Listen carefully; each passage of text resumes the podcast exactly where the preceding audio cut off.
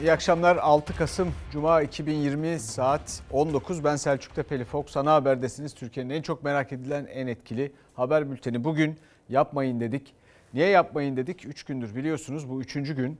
Bu kıdem tazminatı ile ilgili olarak e, insanlara haberdar etmeye çalışıyoruz. Çünkü bir torba yasa tasarısı var mecliste ve bunun içinde bir istihdam paketi var. O pakette eğer gerçekleşirse, bu kanun çıkarsa, kanunlaşırsa bu tasarı insanların kıdem, tazminat, emeklilik hakları yani bu cumhuriyetle eşdeğer sayabileceğimiz hakları ortadan kalkabilir. Bunun için aydınlatmaya çalışıyoruz herkesi ve öncelikle bunun için yapmayın diyoruz kime?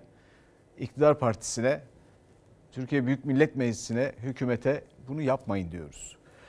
Bunun dışında mesajlara şöyle bir göz attım. Orada da pek çok mesela torpil yapmayın, e, işte çalışmayı, işe alınmayı, atanmayı bekliyoruz diyen öğretmenler var, mimarlar var. Herkes kendince neyin yapılmamasını istediğini yazıyor. E, bugün koronavirüsüyle mücadeleyle başlayacağız haberlerimize. Çok ciddi bir sınav veriyoruz bu virüsle ve virüs geldiği en tehlikeli noktada sadece Türkiye'de değil bütün dünyada da ama bizde tam bir e, tıkanma da yaşanıyor. Nerede? Özellikle aile hekimlerinde çünkü aile hekimleri bir yandan onlara başvuranları Covid-19 testleri, onların muayeneleri ya da onları yönlendirmeleri gerekirken pek çok bürokrasiyle uğraşıyorlar ve neredeyse bloke olmuş durumdalar. Ben 6 saatimi e, hasta aramaya ayırırsam 2 saatte aşılarımı bitiremem. Bebeklerimi izleyemem. Gebelerimi takip edemem. Yaşlılarıma bakamam. Benim asıl vermem gereken birinci basamak hizmeti bunlardır. Vaka sayısı bilinmiyor ama hasta sayısı arttıkça sağlık çalışanlarının yükü artıyor. En çok da aile hekimlerinin. Sağlık Bakanı Fahrettin Koca temaslı hastaları uyarıp sizleri aile hekimleriniz takip edecek demişti ama aile hekimliklerinin telefonda koronavirüs hastası takip etmesi demek diğer hastalara vakit ayıramaması demek. Benim elimde e, toplam hasta sayım 110, bugün aramam gereken sayı 51.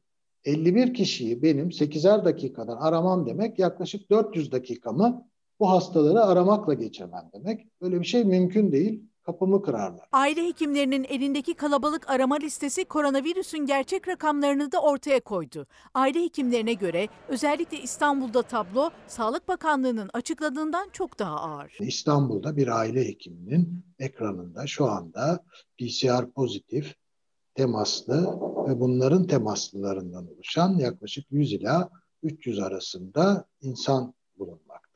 Sayın Bakan da tweet atarak aynı şeyi yaptı. Bakanlık tarafından bir bilgilendirmemiz bulunmamakta. Türkiye'de Sağlık Bakanlığı verilerine göre 5 Kasım'da 2311 kişi koronavirüse yakalandı, 81 kişi hayatını kaybetti. Sağlık Bakanlığı aile hekimlerini adres gösterdi çünkü pandemi hastaneleri başta olmak üzere birçok hastanede yoğun bakımların dolmak üzere olduğu bilgisi var. Koronavirüs testi yapan sağlık merkezleri ve hastanelerin önünde uzun kuyruklar oluşuyor. Onlardan biri de İstanbul'daki Samatya Devlet Hastanesi. Ancak hava şartları nedeniyle o kuyruklar şimdi hastanelerin içinde birikiyor.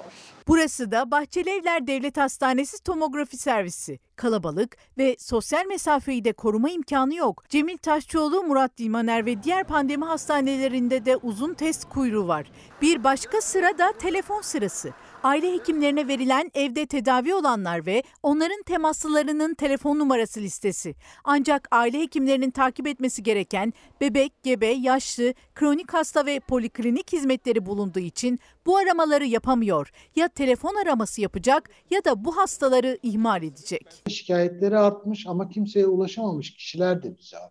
Aramıyoruz. Yani çok net olarak biz aramıyoruz. Onlar ihtiyaçları olduklarında bize dönüyorlar ve o anda inanın kapıda e, bekleyen hastaların aklında oluşan şey şu oluyor. İçeride doktor telefonla konuşuyor.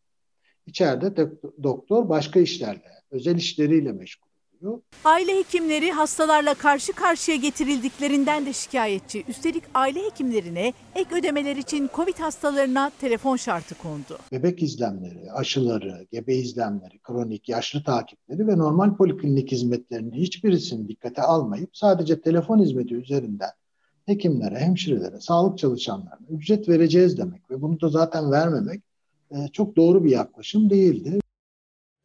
Avrupa'da vaka sayıları artmaya başlayınca tekrar önlemler devreye girdi. Fakat bir yandan da iş yerlerinin bilhassa esnafın e, ciroları üzerinden e, özellikle e, kayıplarını karşılayabilmek için o milyarlarca euroluk bir takım paketler, destek paketleri açıklanıyor. Karşılıksız.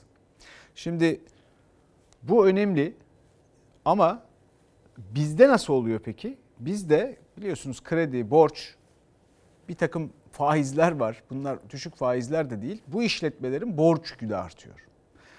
E, bunun olmaması lazım. Esnaf çünkü bir yandan Covid-19 bir yandan işsizlik bir yandan kepek indirme tehlikesiyle karşı karşıya. Artık şu anda kar mar olayını düşünmüyoruz. Kar, karı düşünmüyoruz. Kurtar, günü kurtarmayı düşünüyoruz. Kardan vazgeçtik. Nasıl kiramızı hani ne kadarını ödeyebiliriz? İşçilerimizin masrafını, masraflarını ödeyebiliriz. Yani kendimizden vazgeçtik. Esnafın beklentisi yeni destekler, kredi ya da borç öteleme değil.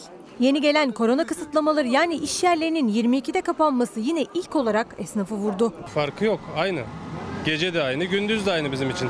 Şimdi de bulaşabilir, gece de bulaşabilir bu yani. Turistik yer olduğu için geç saatlerde daha iyi iş oluyordu. Artık onu da kapatıyoruz. Yapacak bir şey yok. Kaybımız var tabii. Zaten işler zayıf. %50 azaldı şu an. İnsanlar gündüz geziyor, akşam rahat oturmak istiyor, yemek yemek istiyor. Geç saatlerde Korona hız kesmeden devam ediyor. Beklenti yeni kısıtlamaların devreye girmesi. Avrupa'nın bazı ülkeleri karantina ilan etti. Türkiye'de de daha önce oldu ama mağduriyeti esnaf yaşadı. Çünkü Avrupa ülkelerinden farklı olarak esnafa sadece kredi desteği verildi ve borç ödeme günü gelip çattığında esnaf daha da büyük kayıp yaşadı. Personel açısından da işveren açısından çok e, kritik bir döneme girdi gerçekten. böyle olursa zaten çoğu insan kapatmak zorunda kalabilir yani. Özellikle turistlerin uğrak noktası İstanbul'da Sultanahmet bölgesindeki kafe ve restoranların sahiplerinin maddi kaybı büyük. Sosyal mesafeye uyuyoruz. Tabii. Masalarımız arasında yeteri kadar mesafemiz var. Hijyen kurallarına uyuyoruz. Her zaman. Saat 22'de ne yapıyoruz? Kapatıyoruz. Kapatıyoruz. İstanbul Emniyet Müdürü kapatıyoruz dedi ama işin ekonomik boyutu için kimse esnafa yol göstermedi. Genellikle müşterimiz ondan sonra İspanyollar genellikle e, kendi ülkelerinde ondan sonra e, piyasaya çıktıkları için Türkiye'de aynı derecede kullanıyorlar. Müşterilerimiz de genellikle ondan sonra geliyor. İşlerimiz çok iyi. Şu anda %10'a düştük. %100 varken %10'a düştük. %90 eksikteyiz. Bir de şimdi yeni tedbirlerle birlikte saat kısıtlaması E, o da bayağı etkileyecek. Çünkü gelen müşteriler e, daralarak kalkıyor. Müşteri bazen 9.30'da geliyor. Hemen ön, yemeği çıkmadan bazen önüne hesap koy, koyuyoruz. Çünkü hani saat 10'da kapanması gerekiyor. Zabıtalar geliyor. Hemen bize kapattırıyor. Sultanahmet'te faaliyet gösteren 3 masalı küçük bir işletme burası. Kafenin sahibi zaten salgın dönemi boyunca %70'lik bir müşteri kaybı yaşadıklarını söylüyor. Şimdi ise alınan yeni koronavirüs tedbirleri gereği saat 10'da kapatmak zorundalar. Ve bu da yaşayacakları maddi kayıpların daha da artacağı anlamına geliyor. Kiracı mısınız? Kiracıyız evet. Kiramız 12.500 lira. Peki şu iki masayla sadece kiranızı ödeyebiliyor musunuz rahatlıkla? E şu anda tabii sıkıntı ödeyemiyoruz. İlk çare de çalışanı ücretsiz izne göndermek yani çalışana aylık 1168 lirayla geçin demek. Oysa hem istihdam hem de çarkların dönmesi için esnaf karşılıksız destek bekliyor hükümetten. Saat 10'dan kapanması bizi derinden şey yapıyor. Bu sefer personel eksiltmeye götürüyor bizi. Çünkü hani 4-5 saat iş kalıyor bu sefer. 4-5 saat iş içinde de turistler zaten do- doğru düzgün gelmiyor. Efendim şimdi bu arada tedbirler var. Mesai düzenlemesi de yapıldı. Bu haftaya başlıyor ama bir kafa karışıklığı var. Hatta bir kaos var. Niye? Çünkü bazı işletmeler vardiya ile çalışıyorlar ve vardiya ile çalıştıklarında nasıl düzenleyeceklerine dair bir fikir yok. Sorabilecekleri bir yer de yok. E hafta sonu geldi. Şimdi kapalı olacak telefon ulaşılamayacak hiçbir yere. Pazartesi günü de bu işletmeler muhtemelen işte ceza almaktan falan korkuyorlar. Kimin nasıl denetleyeceğini de bilmiyor çünkü kimse. Bunlara bakmak lazım çünkü bu uygulamanın sağlıklı olması açısından önemli. Depreme geçiyoruz. İzmir depremi. Yaraları sarmaya çalışıyoruz bir yandan ama acaba sarmaya mı çalışıyoruz yoksa yeni yaralar mı açmaya devam ediyoruz? Onu siz bilirsiniz. Bence yaraları filan sardığımız yok. Şimdi e, ben yani sarmayı boş verin. Herhalde bantlayamıyoruz bile yara bandıyla. E, öyle bir durum var ki hasarlı binalar var. Dedik ki artık buna göz yummayalım. İnsanlar hasarlı binalarda oturmasınlar. Biz bunu bir sonraki e, depreme ya da bundan önceki depremde önlem alınmayan hasarlı binalarda oturan insanlar için söylüyorduk. Aradan yıllar geçti. Bak yine başımıza geldi diyorduk. Ya bu deprem bitti. Depremden bir hafta sonra şimdi göreceksiniz oturulabilir izni verdikleri binaları. Bakın e, net görülür mü bilemem ama bakın şurada tahta parçası var. Bak kocaman bir tahta var. Ben onu çıkarttığım zaman bu nasıl kireç? Bu nasıl bir kireç? Burası az hasarlı dendi abicim ya. Kolonlarda problem yok değil diye. Az hasarlıdır diye bir bilgi verildi. Ellerinde buna benzer bir şey vardı. Yaptılar. Böyle böyle yaptılar. Kolonlarda bir şey yok dediler. Yani tadilatı bile ne yapılsa ben bu evde duramam. Çocuklarıma enkaz yapamam, mezar yapamam ben buraya. Yıkılmaya yüz tutmuş evlerine, apartmanlarına az hasarlı rapor verildi. Oturulabilir dendi, tuğlalar dökülüyor, duvarlarda boşluklar açılmış durumda, merdivenler düşecek gibi. O manzarayı göstermek için girdiler içeri ama oturacak, gece o çatlak duvarlar arasında uyuyacak kadar cesur değiller. İzmir'de can korkusu sürüyor. Binanız oturulur durumda dediler, rapor verdiler. Peki girip oturabilir misiniz? Ben korkuyorum, canımdan korkuyorum, malımdan değil. Burası Bayraklı Mansuroğlu mahallesindeki Gökhan Apartmanı. İncelemeye gelen ekipler iddiaya göre buraya kullanılabilir durumda raporu verdiler. Ama bina sakinleri bırakın burada oturmayı, içeriden eşyalarını çıkartmaya bile korkuyorlar. Buraya gelip oturabilir misiniz? Hayır oturamam. Bu şekilde oturamam. Çevre Şehircilik Bakanlığı'ndan gelen bir kişi biz dedik hani bu şekilde durumu anlattık. Dedi bu e, Mansuroğlu mahallesinde baktığımızda iki tane sağlam bina var diyemeyiz dedi. E, binamız 38 yıllık dedik. Ben olsam dedi oturmam. Bugün dedi hani duvara gelen yarın kirişe kolona gelir. 6 şiddetinde deprem olursa bu bina kalmaz dedi. Ben alırken özellikle araştırmasını istedim. Bana da sağlam raporu verildi. Evde sıkıntı yok denildi yani. Ben burada ayda 3 bin lira ödemeli krediyle aldım şu an yani ve evlere kalamıyorum. Çocuklarımla giremiyoruz yani. Bu bina depremden sonra işte bu hale geldi. Yerler çöktü, koridorlar duvardan ayrıldı. Tavanda bir karışlık boşluk oluştu. Ama gelen ekipler bu binaya az hasarlı raporu verdi. Tadilattan sonra bina sakinlerinin içeride oturabileceğini söylediler. Gelen eksper arkadaşlar bize araştırıldı dedi yani bunları ben özellikle sordum. Eksper araştırıyor ya. Banka eksperi mi? Evet özellikle sordum. Banka eksperi kredi vermeden önce deprem garantisini verdi Suat Özdemir'e. Ama 2009 yılında İzmir Valiliği ve İnşaat Mühendisleri Odası'nın hazırladığı rapor zaten Bayraklı ilçesinin durumunu açıkça ortaya koymuştu. 1490 binadan sadece 39'unun iyi durumda olduğu belirlenmişti. Peki önlem alınmış mı? Önlem alınmış mı? Yani bu soru bu depremlerden sonra cevabını veriyor. İddiaya göre o rapor ilgili yerlere ulaşmadı. Ulaşmadığı ve önlem alınmadığı için de 114 kişi hayatını kaybetti. Daha öncesinde yapılan kentin master planından, e, inşaat mühendisleri odasının çalışmasından, hocanın lokal çalışmasından yani bakanlığın bilmemesi mümkün değil. Çünkü bakanlığımız Bayraklı'da binası sahilde. Onlar da binalarını güçlendirdi. Yani bu yapıyı bilen insanlar. Ali Onur Tosun'un haberini izlediniz. Şimdi bu haberden yola çıkarak buradaki mesajlar, duyduklarımız, gördüklerimiz üzerinde çalışıyoruz bir yandan bizde. Benim gözüm korktu doğrusunu isterseniz. Çünkü bunu bir miktar uyanıklık, bir miktar e, çıkarcılık, dolayısıyla bununla beraber yaşanmış ihmaller, suistimaller gibi değerlendiriyordum. Fakat şimdi bunu ahmaklık gibi görmeye başladım. Çaresizlik gibi görmeye başladım.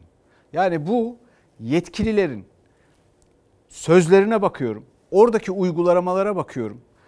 Oraya giden şimdi bu raporları veren, bu binalara bakan ve insanlara oturun oturmayın diyenlerin söz cümlelerine bakıyorum. Gerçekten çaresizlik görüyorum. Bu daha feci bir şey. Çünkü biraz uyanıklık olsa filan hani dersin ki ya anlar anlar bu insanlar. Akıl var biraz filan ve oturur bir şekilde çözeriz. Yok.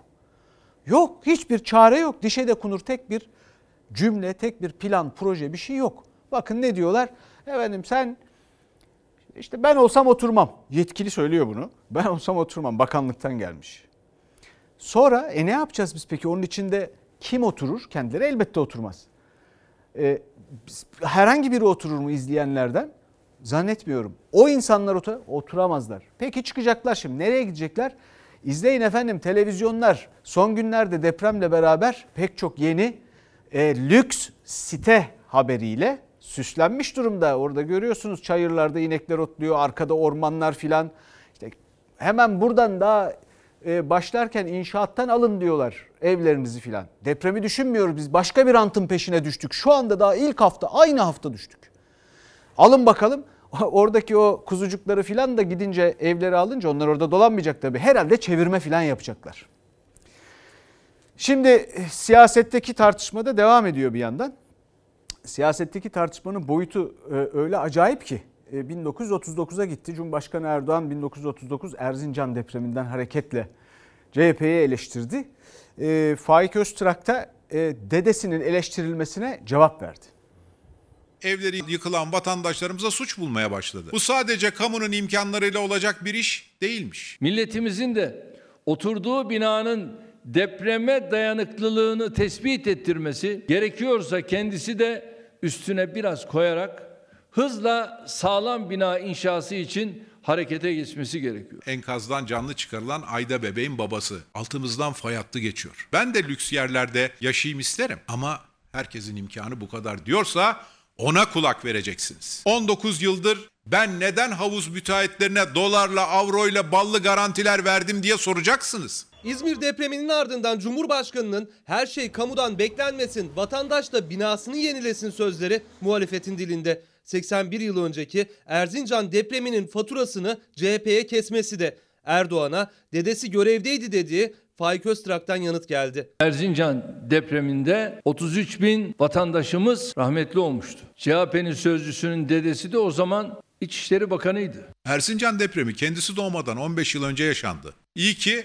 Nuh tufanına kadar gitmedi. Şöyle geriye bakıp neler olmuş bunu sorgulama hassasiyetini göstermeyen bu zihniyet şimdi kalkıyor bu yalan yanlış ifadeleri kullanabiliyor. O insanlar cephelerde ülkesi ve milleti için savaştı. Hiçbirinin yakınları 50 bin dolarlık çanta taşımadı. Sarayın kibirlisi zavallı dinozorlara göktaşı çarparken CHP neredeydi zırvalarını artık bıraksın. Deprem vergisi nerelere harcandı? Cahil, izansız, vicdansız bir kişiyle deprem tartışması yapmak millete zulümdür. Deprem gündeminde Cumhurbaşkanı günlerdir sert ifadelerle Kılıçdaroğlu'na hedef alıyor. CHP lideri Erdoğan'a kendisine hakaret ve iftiradan beşer kuruşluk iki ayrı tazminat davası açtı. CHP Erdoğan'ı kamuoyunu yanıltmakla, yalancılıkla da suçluyor. Nereye gitti bu paralar? Cevap veremeyince ey Kılıçdaroğlu ey CHP diye atarlanıyor. İzmir'de kim ne kadar kaldı hesabına giriyor. Ana muhalefetin başındaki zat 5. gün oraya yapmış olduğu turistik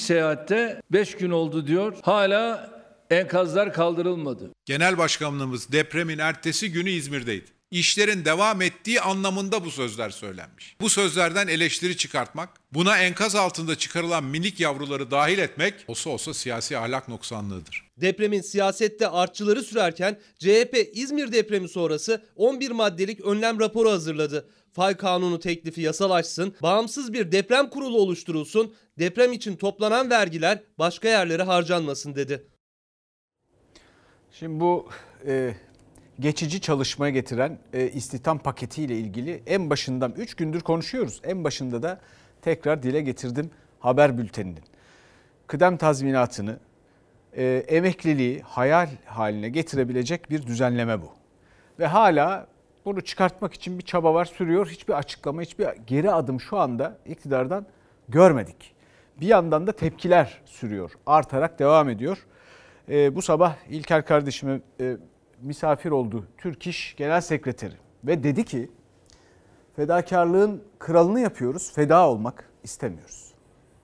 Ne 25 yaşın altındakilerinin ne de 50 yaşın üstündekilerin kesinlikle iş güvencesi olmayacak. Ülkemiz sıkıntıya girdiği zaman biz gerçekten fedakarlığın kralını yapıyoruz. Ama biz feda olmak istemiyoruz. Bu düzenleme bir feda düzenlemesi mi? Kesinlikle öyle. Türk İş Genel Sekreteri Pevrul Kavlak 25 yaş altı ve 50 yaş üzeri işçilerin kıdem ihbar tazminatları ve emekli maaşlarını ilgilendiren torba kanun için feda düzenlemesi dedi. İşçinin feda edildiğini söyledi. Herkes işinden, ekmeğinden hatta sağlığından endişe ediyor. Türkiye'de hayat duruyor. Mecliste bizim kıdem tazminatıyla uğraşanlar durmuyor. Sürekli pişirip pişirip önümüze getiriyorlar. Bütün dünya salgında işleri ve işçileri korumaya kafa yorarken saray koronayı fırsata çevirmeye esnek çalışma diyerek bir torba yasayla emekçilerin kazanılmış haklarının üzerine yatmaya çalışıyor. 51 maddelik torba kanun Meclis Genel Kurulu'nda ilk 20 maddesi oylandı geçti. Geçici işçilik getiren, işçinin kıdem ve ihbar tazminatı hakkını ortadan kaldıran maddelerin görüşmesi haftaya kaldı. Muhalefet de düzenlemenin geri çekilmesini istiyor,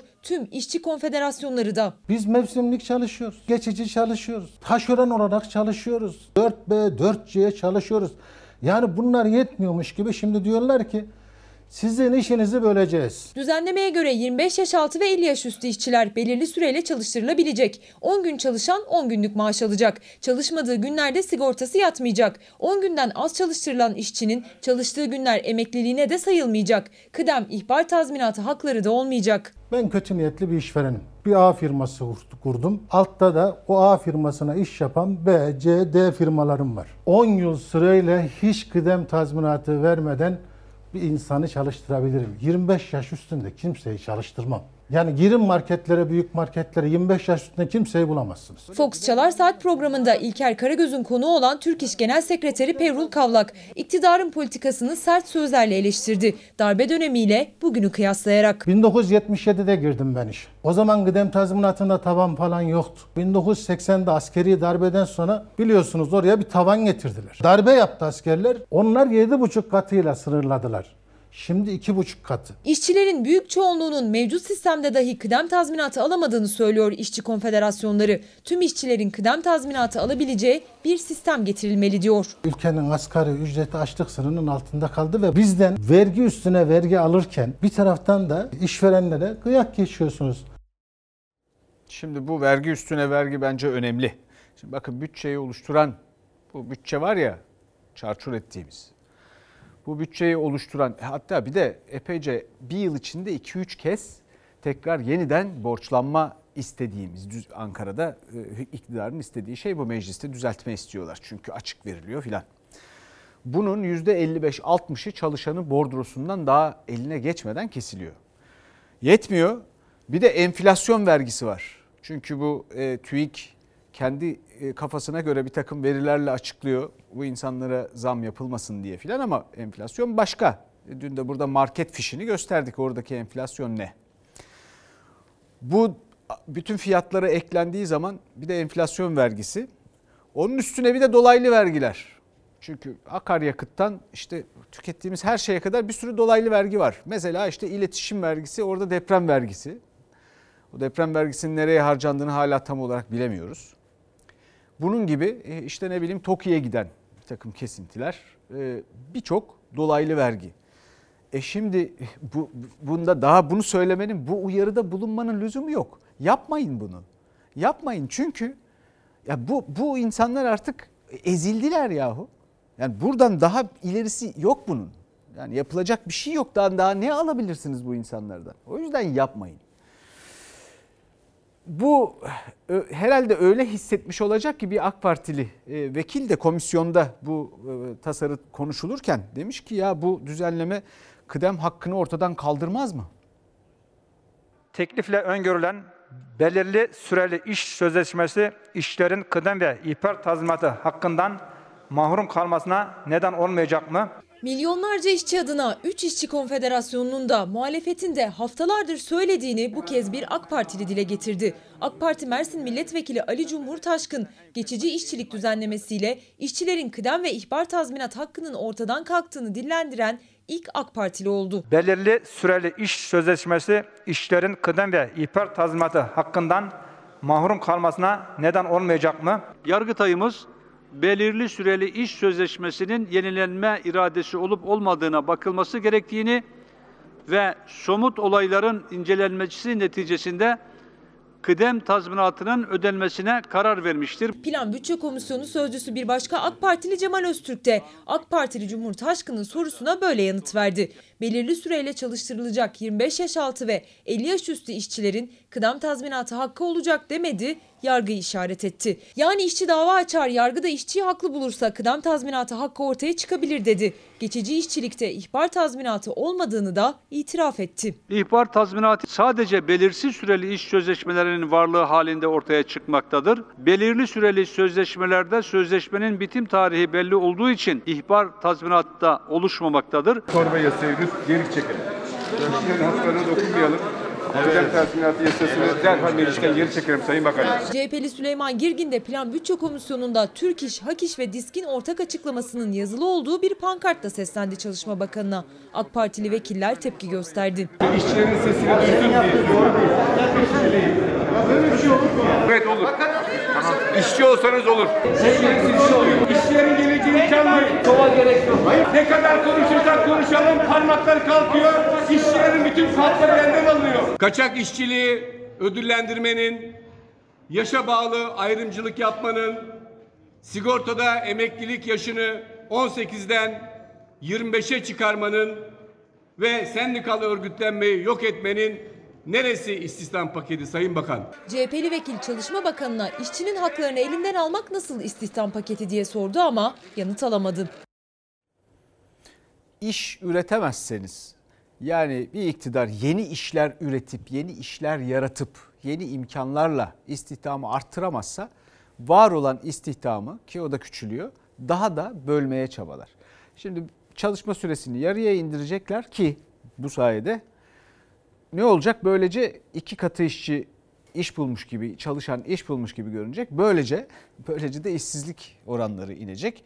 TÜİK de bayram eder tabii buna. İşi kolaylaşır. Şimdi e, bir de yasaklar var. Bütün bu olup bitenden insanlar haberdar olmasın diye baksanıza mecliste bile pankartlarla filan iletişim kurulmaya çalışılıyor. Fakat şimdi şurada göreceksiniz. Diyor ki 10 maddede kıdem tazminatında fon aldatmacası ana başlıklı CHP parti logolu kapak dahil toplam 12 sayfadan oluşan kitapçık, kitapçık şeklindeki CHP Genel Merkezi tarafından basılmış eserlere işte şu şu şu e, sayılı Türk Ceza Kanunu filan diye e, basım, dağıtım ve satış yasağı getirilmesine, el konulmasına karar verilmiş. Nevşehir Cumhuriyet Başsavcılığı. Onun üstünde başka bir kitap daha var. Hadi onlar siyasi şeyler. Ya insanlar kaderlerini, hayatlarını etkileyecek, geleceklerini etkileyecek, ömürlük, ömürlerini harcadıkları, elde ettikleri haklarla ilgili ne olup bittiğine, kimin ne karar vermeye çalıştığına dair bilgilenmeyecekler mi? Bu nasıl bir sansür ya? Kitap toplamak nedir bu ya? Nasıl bir karar bu? Siyasi partiler ya da kurumlar broşür basarak kendi düşüncelerini halka anlatmaktadır. Kıdem tazminat fonu ne anlama geliyor? Fon kurulursa işçi nasıl etkileniyor? CHP bu soruları ve yanıtlarını bir kitapçıkta topladı. Mahkemede o kitapçığın toplatılmasına karar verdi. Bu kitap toplatmalar darbe dönemlerinde olur değil mi? 20 Temmuz sivil darbesinden sonra yapıyorlar. Daha 10 gün önce verdi CHP lideri bu tepkiyi. CHP'nin hazırladığı ve içinde AK Parti'ye yönelik iddiaların yer aldığı 21 soruda FETÖ'nün siyasi ayağı isimli kitapçığın basımına, dağıtımına yasak getirilmişti. Bu kez yeni yasak kararını Nevşehir Suç Ceza Hakimliği aldı. Nevşehir CHP İl Başkanlığı'nın dağıtmak istediği Arpalık Aile Şirketi ve 10 maddede kıdem tazminatında fon aldatmacası başlıklı kitapçıklar yasaklandı. Siyasi iktidar kendi yapmış olduğu değişikliğin yanlış olduğunu görüyor ve bunun halka görmesini engellemeye çalışıyor. Arpalık Aile Şirketi isimli kitapçıkta eski ve mevcut AK Partili bazı isimlerin kitler ve kamu kuruluşlarındaki görevleriyle birden fazla maaş aldıkları iddialarına yer veriliyor. Kıdem tazminatı kitapçığındaysa CHP fonun işçinin kıdem tazminatı hakkını etkileyeceğini söylüyor. Mahkeme Cumhurbaşkanının demokratik sınırlar dışında tenkit edildiğini söyleyerek kitapçıkların basımına, dağıtımına yasak getirdi. Var olanların da toplatılmasına karar verdi. Sanıyorlar ki biz bunu topladığımız zaman Kılıçdaroğlu susacak, Cumhuriyet Halk Partililer susacak. Senin feriştahın gelse bizi susturamaz. CHP'ye göre mahkeme kararının arkasında iktidar var. Yargı eliyle siyaset yasağı açıklaması yaptı ana muhalefet. Efendim yeniden görülen futbolda şike davasını biliyorsunuz sona erdi. Aziz Yıldırım da e, beraat etti 23 başka isimle birlikte. E, böylece Fenerbahçe'ye ve Aziz Yıldırım'a yönelik bu şike kumpası zulmü de bitmiş oldu. Dosya kapandı. Geçmiş olsun diyelim tüm Fenerbahçe camiasına. Ee, emekliler eylemdeydi tekrar. Son günlerde emeklileri sık sık haklarının peşinde, haklarını ararken görüyoruz. Ee, şimdi o eylemi izleyeceğiz ama bir şeye dikkat edin. Orada sadece Fox kamerası ve de polis kamerası var. Sadece biz ve polis insanları e, e, emeklilerin dertlerinden haberdar etmeye çalışıyoruz efendim. Oğlumu okutuyorum şu anda üniversitede oğlum var. Maalesef kendisinin ihtiyaçlarını şu anda karşılayamıyorum aldığım ücretle beraber. Yurdun parası, temel ihtiyaçlarını, yol parasını maalesef şu anda karşılayamıyoruz. Sizi nasıl hissettiriyor? Yıllarca yıllarca bu ülkeye hizmet ettim. Konuşurken zorlanıyorum. Kendi çocuğunuza harçlık veremediğinizi düşünün. ihtiyaçlarını karşılayamadığını düşünün. Yani çok doluyum. 54 yaşında emekli bir baba Mehmet Tanyeri oğlunun okul masrafını ödemekte zorlandığını anlatırken aktı gözyaşları. 30 yıl boyunca çalıştı. Emeğinin karşılığını emeklilikte keyifli bir hayat sürerek almayı beklerken 3000 lira emekli aylığıyla ay sonunu getirmeye çalışıyor. Bu ülkeye hizmet eden bir insan olarak bu durumlara düşmemeliydik. Ayın 15'ini zor getiriyoruz. 15'inden sonra kara kara düşünüyoruz. Şu anda geçim derdindeyiz. Çocuklarımızı okutamıyoruz. Geleceğimiz karanlık. Önümüzü göremiyoruz. Askıda ekmeğe muhtaç kaldık. Biz kölece yaşamak istemiyoruz.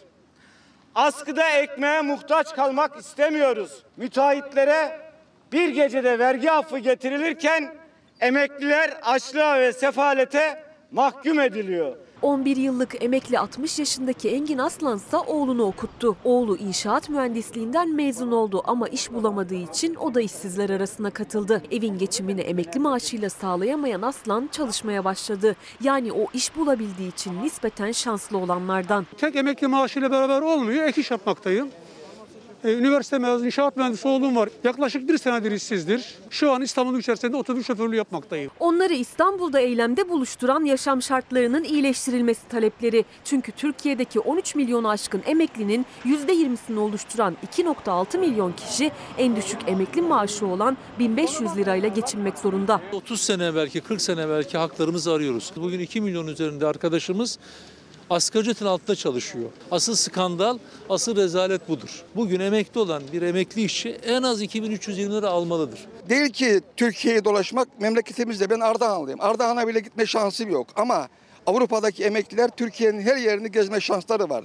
Bizim emekliler ise onlara ancak hizmet etme durumda. Çaylarını, taksi şoförlüğünü falan yapma durumdalar. Emekliler seslerini duyurabilmek için örgütleniyor. Ancak diske bağlı emekli sen kapanma tehlikesiyle karşı karşıya. Kadıköy'de bir araya geldi emekliler. Zaten basın açıklamasını sadece polis kamerasıyla Fox kamerası izledi. Sendika kapatılırsa emeklinin sesinin artık hiç duyulmayacağını söylüyorlar. Emeklerin taleplerini dile getirmemizden kaynaklı iktidarın istemi doğrultusunda sendikamızı kapatılmak istenmekte. Sendika haktır.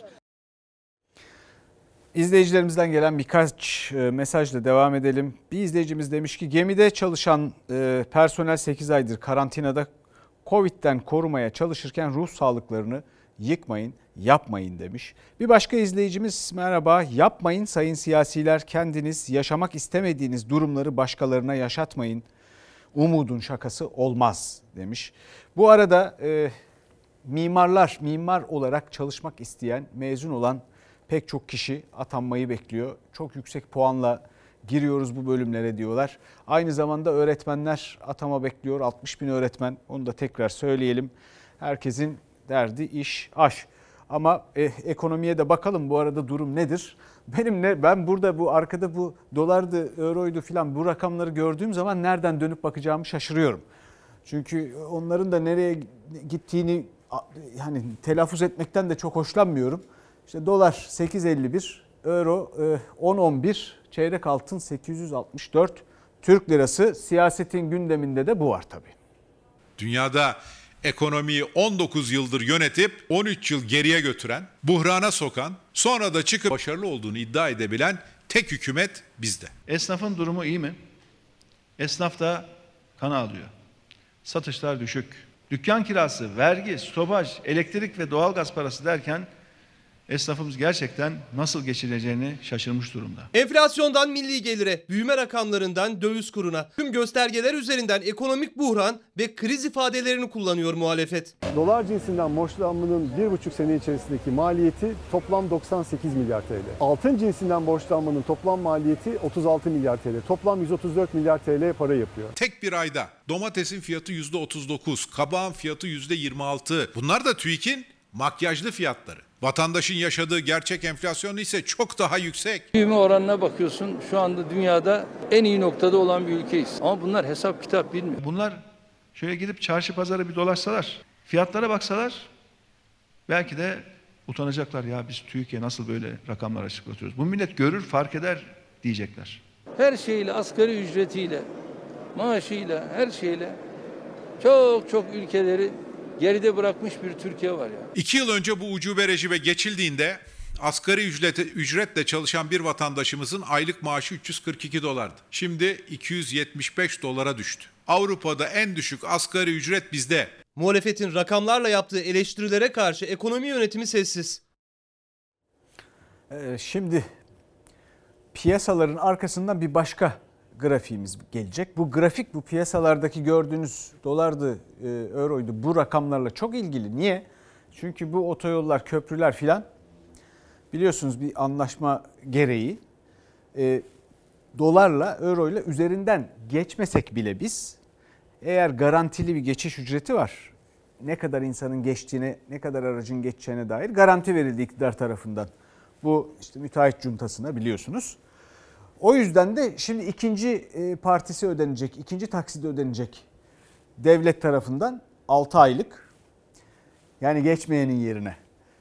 1297 milyardı şimdi ilki. ikincisi 1500 1 milyar 501 milyon. 1 milyar 501 milyon Türk lirası olacak. İşte bu e, şeyi de e, Osman Gazi Köprüsü'nü de içine alan Gebze İzmir otoyolu 2 nokta neredeyse 4 milyar liraydı. 2.7,5 2.8 milyara yakın ikinci taksidini ödeyeceğiz. Avrasya Tüneli 348 milyondu. 403 milyon ödeyeceğiz. Niye? Niye? Çünkü patronlar dolarla maaş alıyor. Dolarla mı maaş alıyorsunuz? Hayır. Dolar borcunuz mu var? Yok. Dolarla bir işiniz var mı? Sayın Berat Albayrak geldi. Türkiye'de kendi vatandaşından borçlanmayı bile Amerikan doları üzerinden yapmaya başladı. Hazine ve Maliye Bakanı Berat Albayrak'ın dolarla işiniz var mı sorusuna köprü, otoyol ve Avrasya'dan geçerken duyduğumuz o bit sesi yanıt veriyor aslında. Kamu özel işbirliği projelerine ödenen para kur artışına bağlı olarak günden güne artıyor. Bakın bu üç projeye ödenecek para yılın birinci çeyreğinde 4 milyar 33 milyon, ikinci çeyreğinde 4 milyar 666 milyon, toplamda yaklaşık olarak 9 milyar liraya yakın para ödenecek bir yılda. Asıl odaklanmamız gereken nokta bu. Bir halkın parası bu şekilde müteahhitlere dünyanın hangi yerinde aktarılsa aktarılsın bu büyük olay olur. Gebze-İzmir otoyolu, Avrasya Tüneli ve Yavuz Sultan Selim Köprüsü için yapılan ödemeler dolara endeksli. Yılda iki kez 6 ayda bir müteahhitler zarar etmesin diye güncelleniyor. Oysa o köprünün otoyolun yapıldığı yer Türkiye, yapan da Türk müteahhit. Ancak ödeme dolarla. Kaynaklar yabancı olduğu için Amerikan doları değil. Buradaki sözleşmelerin Amerikan doları, Avrupa Eurosu'nun olmasının sebebi e, siyasetin tercihi. Siyaset bunu tercih etmiş. Dolarla mı maaş alıyorsunuz? Hayır. Dolar borcunuz mu var? Yok. Dolarla bir işiniz var mı? Aslında dolarla borcu olan tüm Türkiye. Çünkü hazine garantili yollarda eksik kalan geçişler hazine tarafından müteahhitlere ödeniyor. Ve kur yükseldikçe 83 milyonun borcu da artıyor. 2020'ye 5 lira 94 kuruşla başladı dolar. Yılın ilk 6 ayı bittiğinde 6 lira 80 kuruşa çıktı. Şimdi ise 8,5 lira sınırına dayandı. Yılın ikinci dönemindeki ödemeler bu kur artışı göz önünde bulundurularak yapılacak. Yani müteahhitler 632 milyon lira daha fazla kazanacak. Başkent Üniversitesi İktisat Bölümü Başkanı Profesör Doktor Uğur Emek'e göre kur artışından kaynaklanan 633 milyon liralık ek borç 275 bin net asgari ücrete denk ve yine asgari ücretlinin çalışanın vergilerinden. O köprüden geçenin cebinden çıkacak. Ekonomi yazarı İbrahim Kahveci'ye göre de Türkiye o borç yükünden uzun süre kurtulamayacak. 84 milyon 5-6 müteahhite çalışır duruma getirildi. Bu da yaklaşık 20 yıl sürecek. 20 yıl Türkiye 84-85 milyon nüfusuyla 5-6 müteahhite çalışarak bu paraları ödeyeceğiz. İşte dolar zehirlenmesi bu. Ama bu arada bu zehirlenmenin her yere bir şekilde sirayet ettiğinde görmemiz lazım. E, gıda fiyatları artıyor. Stokçular suçlanıyor gıda fiyatlarının artmasından. E, stokçuları bulup onları terbiye etmesi gereken iktidar elbette, yetkililer. Ama bunun yerine çare olarak ithalat, üstelik dolarla ithalat düşünülüyor. Şimdi peki o zaman ne olacak? Onun fiyatı düşecek mi? Hayır. Başkasının çiftçisi zengin olacak. Artık ithalat eskisi gibi kolay olmayacak. Birileri Türkiye biliyorsunuz ithalat cenneti yapmaya çalıştı. Spekülatörlerin stok yaparak fiyatları yükselttiğini gördüğümüzde ithalat yolunu açıyoruz.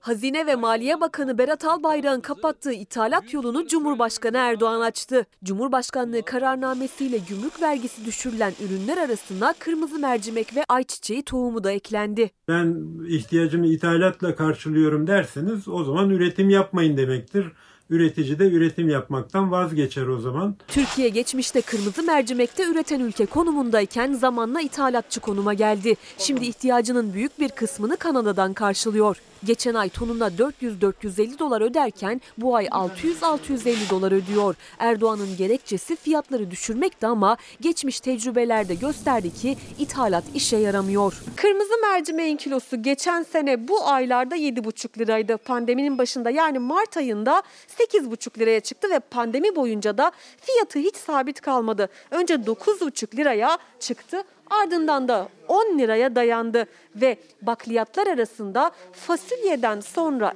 fiyatı en yüksek ürün oldu. Kurların yükseldiği bir dönemde e, fiyatlar artıyorsa da e, tüketiciye de fazla bir paraya bunu yedirmenin bir alemi var mı yok? Aslında Tarım Bakanı Bekir Pakdemirli'nin bu cümlesi tarımda ithalata bağımlı olunduğunun da itirafı. Kurdaki artış etkiliyor fiyatı çünkü hem ürün hem de gübre ve tohum ithal. Ama buna karşılık fiyatı düşürmek için de başvurulan çözüm yine ithalat. İthalat yolunu açıyoruz. Kendi çiftçimize ürettirmiyoruz. Sonra da tarım politikamız var diye konuşuyoruz. Ne yazık ki ülkemizde tarım politikası yok. Çiftçi de zor durumda. Fiyat artışının nedeni sadece döviz kuru değil. Salgınla birlikte artan talepten dolayı üretim yapan ülkeler elindeki bakliyatı stoklamaya başladı. Yerli üretim yeterli olmayınca da zam kaçınılmaz oldu. Bazı ülkeler hani kendi ihtiyacının da ötesinde stok yapma e, yoluna da gitti. Bu da fiyatların ciddi olarak artmasına neden oldu. Uzmanlara göre fiyatı düşürmenin tek yolu üreticiyi destekleyerek yerli üretimi arttırmak. Ancak HDP'nin küçük çiftçi borçlarının devlet tarafından karşılanması için verdiği önerge reddedildi. Biz hangi ürünün fiyatı artarsa onu gümrük vergilerini düşürerek, sıfırlayarak ithalatla gıda enflasyonunu düşük tutmaya çalışıyoruz ama bunun olmayacağını artık görmemiz gerekiyor. Bir de Amerika'daki seçimlerde neler oluyor ona bakalım.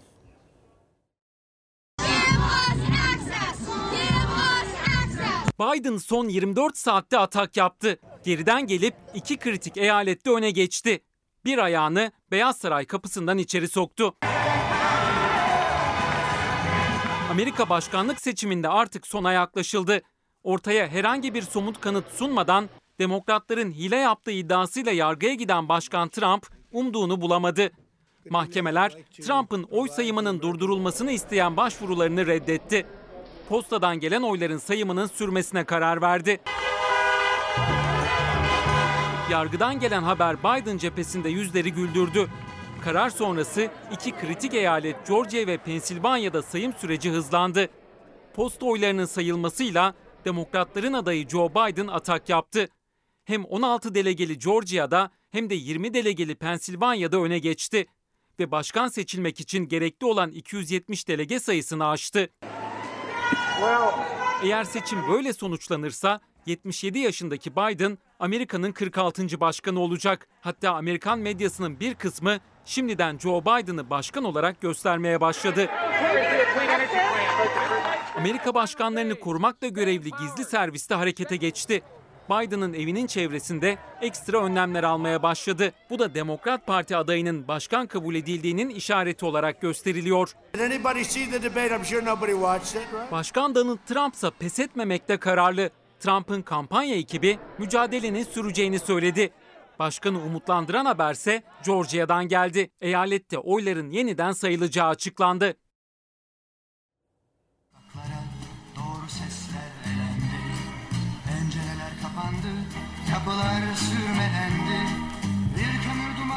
Türk müziğinin büyük ustasını kaybettik.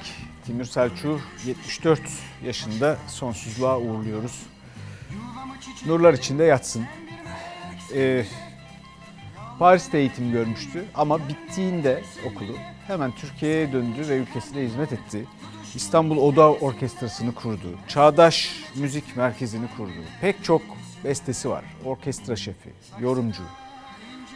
Önemli bir isimdi. Bir yandan da izliyorsunuz, dinliyorsunuz. Film müzikleri yaptı. Çok önemli oyunların müziklerini yaptı. Başyapıtların. Geçenlerde size bahsettiğim bu deprem meselesiyle ilgili deprem yıkmadan biz yıkalım dediğim bir e, film vardı. Sarıpınar 1914. İki gün önce, üç gün önce bahsettim. Atıf Yılmaz'ın yönettiği bir filmdi o. Reşat Nuri Güntekin romanından. Onun müziklerini de yapan Timur Selçuk'tu. Allah rahmet eylesin. Şimdi bir ara veriyoruz. Depremle ilgili İzmir'de e, depremzede yurttaşlarımıza yardım için pek çok kampanya düzenleniyor. 9 Eylül Üniversitesi öğrencileri de Aşık Veysel rekreasyon alanında böyle bir hocalarının e, öncülüğünde böyle bir kampanya başlatmışlar. Orada bir şey dikkatimi çekti. Bebek malzemeleriyle ilgili çok e, yardım gelmiş. Ama şimdi yetişkinler için işte eşofman, onun bunun gibi yardım malzemelerine ihtiyaç var. Ama bir yerde diyor ki bu malzemelerin arasında başörtüsünü de saymışlar örneğin. Şimdi bu ince bir davranış. Bu çocuklar bu malzemeleri elbette hiçbir siyasi ya da kutuplaşma eder hiçbir kaygıyla yazmıyorlar. Ama ben buradan şöyle bir sonuç çıkarıyorum. Bu ülkede bu çocuklar, bu gençler, yeni nesiller, hatta milletin tamamı herhangi bir kutuplaşma, ayrışma istemiyor. Kucaklaşmaya hazırlar. Buna yardım etmemiz lazım. Herkesin. Deprem kötü bir hatıra, pek çok canımızı aldı ama belki oradan böyle bir takım ilaçlar buluruz her türlü hastalığımıza. Bizden bu akşam bu kadar efendim. Ee, iyi hafta sonları dilerim. Bizden sonra çocukluk dizisi var. Görüşmek üzere.